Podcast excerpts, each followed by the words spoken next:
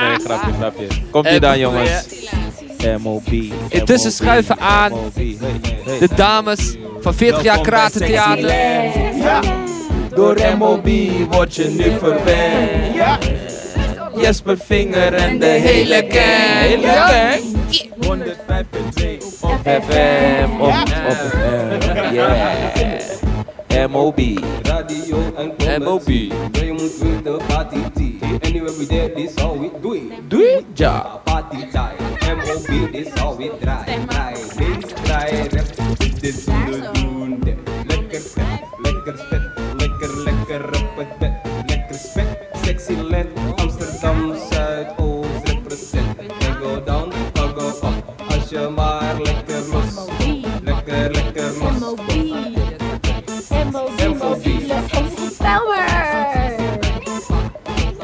Welkom bij Sexy Land. Sexy Land. Door MOB word je nu verwend. Ja, ja, we zitten nog steeds bij de MOB, mobiele oproep Belmer. Hi Ilga. Kan je, ja, nee, ik hoor je. Zet hem wat harder Ja, alsjeblieft. nee, ja, Mr. ja, Mizzle, daar ben Mr. ik Mr. ook, Mr. ja. Mr. Hey. Zeg, we hebben eh, bezoek opnieuw. Eh, bijzondere gasten die actief zijn en iets komen vertellen op de mobiele radio omroep. Ja, Belmer. hele mooie mensen. Voor ons hebben wij Ernestine Convarius. Convarius en Sifo- Simone Zeevaar. Ja? Ja? Yes. Ben je ook, eh, staat jouw microfoon ook aan? Ik hoop het. Ja. Jawel, ik hoor het Oh, goed. nice. Ja, ja. Hey, welkom, Thanks. ladies. Ehm, jullie zijn hier in het kater, in het, in het kater zeg ik meteen. In het, een beetje vooruit op de In de zaak. krater. Sorry, in het kader van 40 jaar Krater Theater. Theater, Belmer Park Theater. Mhm. Klopt, klopt. En we, dat en we hebben nog geen, en we hebben nog geen kater. Nee, heel goed. Ja, Nog niet, zegt ze, nog niet. Krater, Hold up. daar gaan we. Ja, Krater bestaat werkelijk al 40 jaar. Dus in 1976 is Krater gestart in Amsterdam Zuidoost. Ja. Ja, de Bijlmer was nog jong in die tijd. Eh, niet alle flats waren al volgebouwd. Hè, of de, de Bijlmer was nog niet volgebouwd met flats. En, eh, maar je had pioniers. Er waren veel families in de Bijlmer gekomen. Een paar jaar daarvoor had er een kraakactie plaatsgevonden. Hè? Dus veel Surinamers kwamen zo in de Bijlmer wonen. Ja. Ze woonden daarvoor in pensions. En, eh, en de flats in de Bijlmer stonden gewoon leeg. Ja. Goed, de kinderen liepen daar rond en een paar vrijwilligers die vonden van eh, wij moeten iets doen. En ze zijn gewoon op vrijwillige basis met theaterlessen begonnen. Met ehm, poppentheater hadden ze veel, clowns. Het heette toen Bijlmer Gans. Belmer Gans. Ja, waar je nu Gansenhoef hebt, Oh ja, ja. daar ja. zijn ze gestart. Oké, oké. Ja. Dus eh, dat, dat is het begin geweest. En was jij er vanaf het begin bij betrokken? Nou, niet bij Krater. Maar eh, ik was toen nog wat, hoe oud was ik toen? In hemelsnaam, 21, 22. Maar, maar ik, was wel in de, ik was wel in de Bijlmer. Ik heb stage gelopen eh, in de Bijlmer in die, in die tijd. Ook in Gansenhoef. Daar heb ik met eh, Nathalie Gonsalves...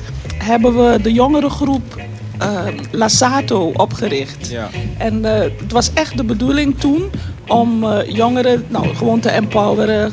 En zij hebben later zelf die organisatie ook gedraaid. We hadden hen ook eh, geoefend natuurlijk. eh, allerlei technieken om je eigen organisatie ehm, eh, te leiden. Eh, het, was een, het waren roerige tijden trouwens, die Ja. jaren, kan ik me herinneren. Je Ja, had- dat wou ik vragen. Hoe was dat? ja, nou wat ik elkaar, een van die discussies die we toen hadden met de jongeren was bijvoorbeeld de kaping van de Molukkers. Ja. En dat maakte heel veel los. Dat was in ze- welke tijd was dat? 76, 77. Bij de punt. Ja. Dat is nog elf En- jaar voor mij eh, ja, bestaan. en het maakte veel los omdat de jongeren wel iets begrepen van eh, Ja. de boosheid Ja. van, eh, van die Molukse jongeren. Precies, maar kun je daar iets over vertellen? Want dat ging over de onafhankelijkheidsstrijd van de Molukken. Eh, ondertussen waren er spanningen natuurlijk die in Nederland eh, heel voelbaar waren. En Ja. eh, verschillende bevolkingsgroepen stonden onder druk. En we hebben eerder in de radio-uitzending vandaag gehoord... hoe onder meer de, bevo- eh, de bewoningsstatistieken onder druk stonden van eh, ja, eigenlijk een soort eh, André- segregatiepolitiek. En eh, Ja, dat klopt. is iets waar denk ik weinig over bekend eh, is Ja. voor veel mensen. Kun je iets vertellen over de spanning die toen voelbaar was? En de solidariteit die jullie hadden met andere, Ja. met de groepen die toen actief waren? Nou, eh, met de, laten we zeggen voor 75 zijn er gewoon echt duizenden Surinamers hier naartoe gekomen. En ehm, zij werden in het vliegtuig al opgevangen, kregen ze folders van eh, als je meewerkt, dan kun jij een woning krijgen. Maar wat er gebeurde is, er was sprake van een spreidingsbeleid, een officieel spreidingsbeleid. De bedoeling was dat die Surinamers niet in de Randstad terecht zouden komen, maar in allerlei andere gehuchten. Eh, zij moesten daarvoor dan wel in pensions eh, tijdelijk blijven. Het was de bedoeling dat ze binnen een jaar een woning zouden krijgen. Maar nou, sommigen zaten daar dus in die pensions nou, ja, jarenlang. Ja. In kamer soms met een gezin van eh, nou, acht mensen. Eh, onder af en toe ook wel erbarmelijke omstandigheden. Tegelijkertijd, in die periode, werden de fascistische groepen, zoals de Nederlandse Volksunie, maar ook Jan Maat, die, die gingen zich steeds meer roeren. En de, spra- de, de koppen in de krant waren ook de koppen die je kunt herkennen van wat er met de vluchtelingen onlangs is gebeurd. Eh, alsof Nederland overspoeld werd. Ja. En eigenlijk werd Nederland dan overspoeld, niet door vreemdelingen, maar door Nederlanders. Want al die Ja. mensen waren Nederlanders. Maar goed, ze waren wel Nederlanders, zwarte Nederlanders.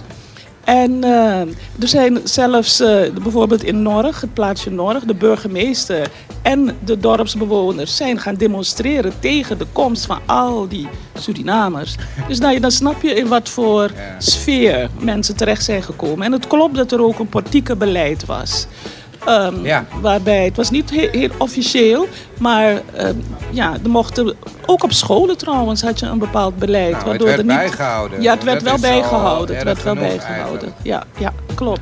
Dus in die tijd eh, kun je zeggen, eh eh, hier, in, nou we zijn niet in Zuidoost, maar startte in Zuidoost. Jawel. Ja, we zijn in Zuidoost. Oké, van. we doen gewoon Ja. mobiel. We, zijn, we, we, we stretchen Zuidoost.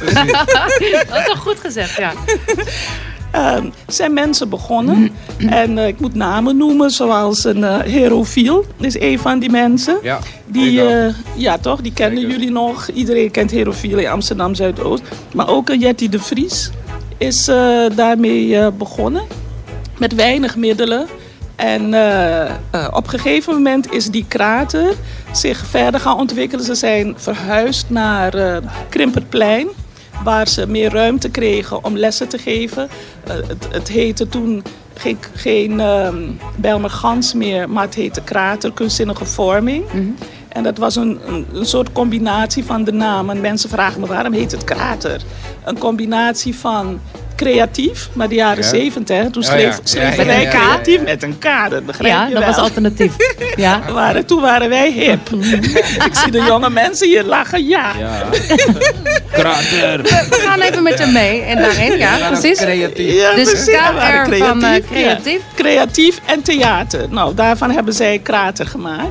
En eh, Krater heeft een aantal jaar op Krimperplein allerlei lessen gegeven. Dans, eh, beeldend, theater enzovoorts. Maar het heeft veel met bezuinigingen te maken gehad. Dat moet ik er wel bij zeggen. Waardoor in 1994 Krater weer naar een andere plek. Nou, Krater heeft gezworven, dat kan ik wel zeggen.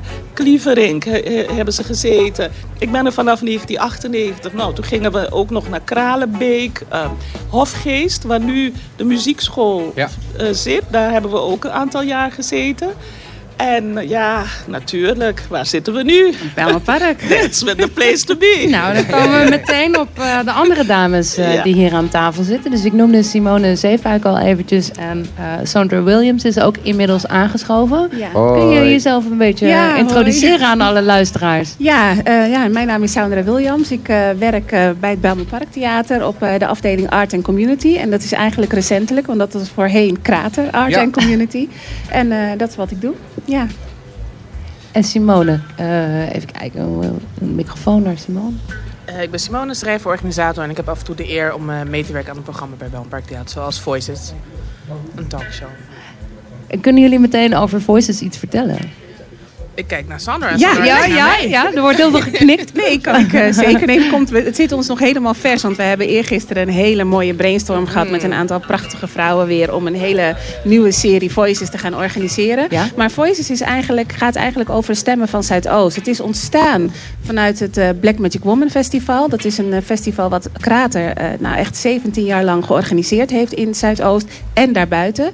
En op een gegeven moment, het is ontstaan echt als een artistiek festival. En op een gegeven moment hebben we gedacht, ja, maar hoe belangrijk is het dat eh, zwarte vrouwen, dat vrouwen in het algemeen, maar zeker zwarte vrouwen, een plek hebben waar ze hun stemmen kunnen laten horen. Dat ze kunnen laten horen wie ze zijn, praten over maatschappelijke en artistieke onderwerpen en vaak ook een versmelting van die twee.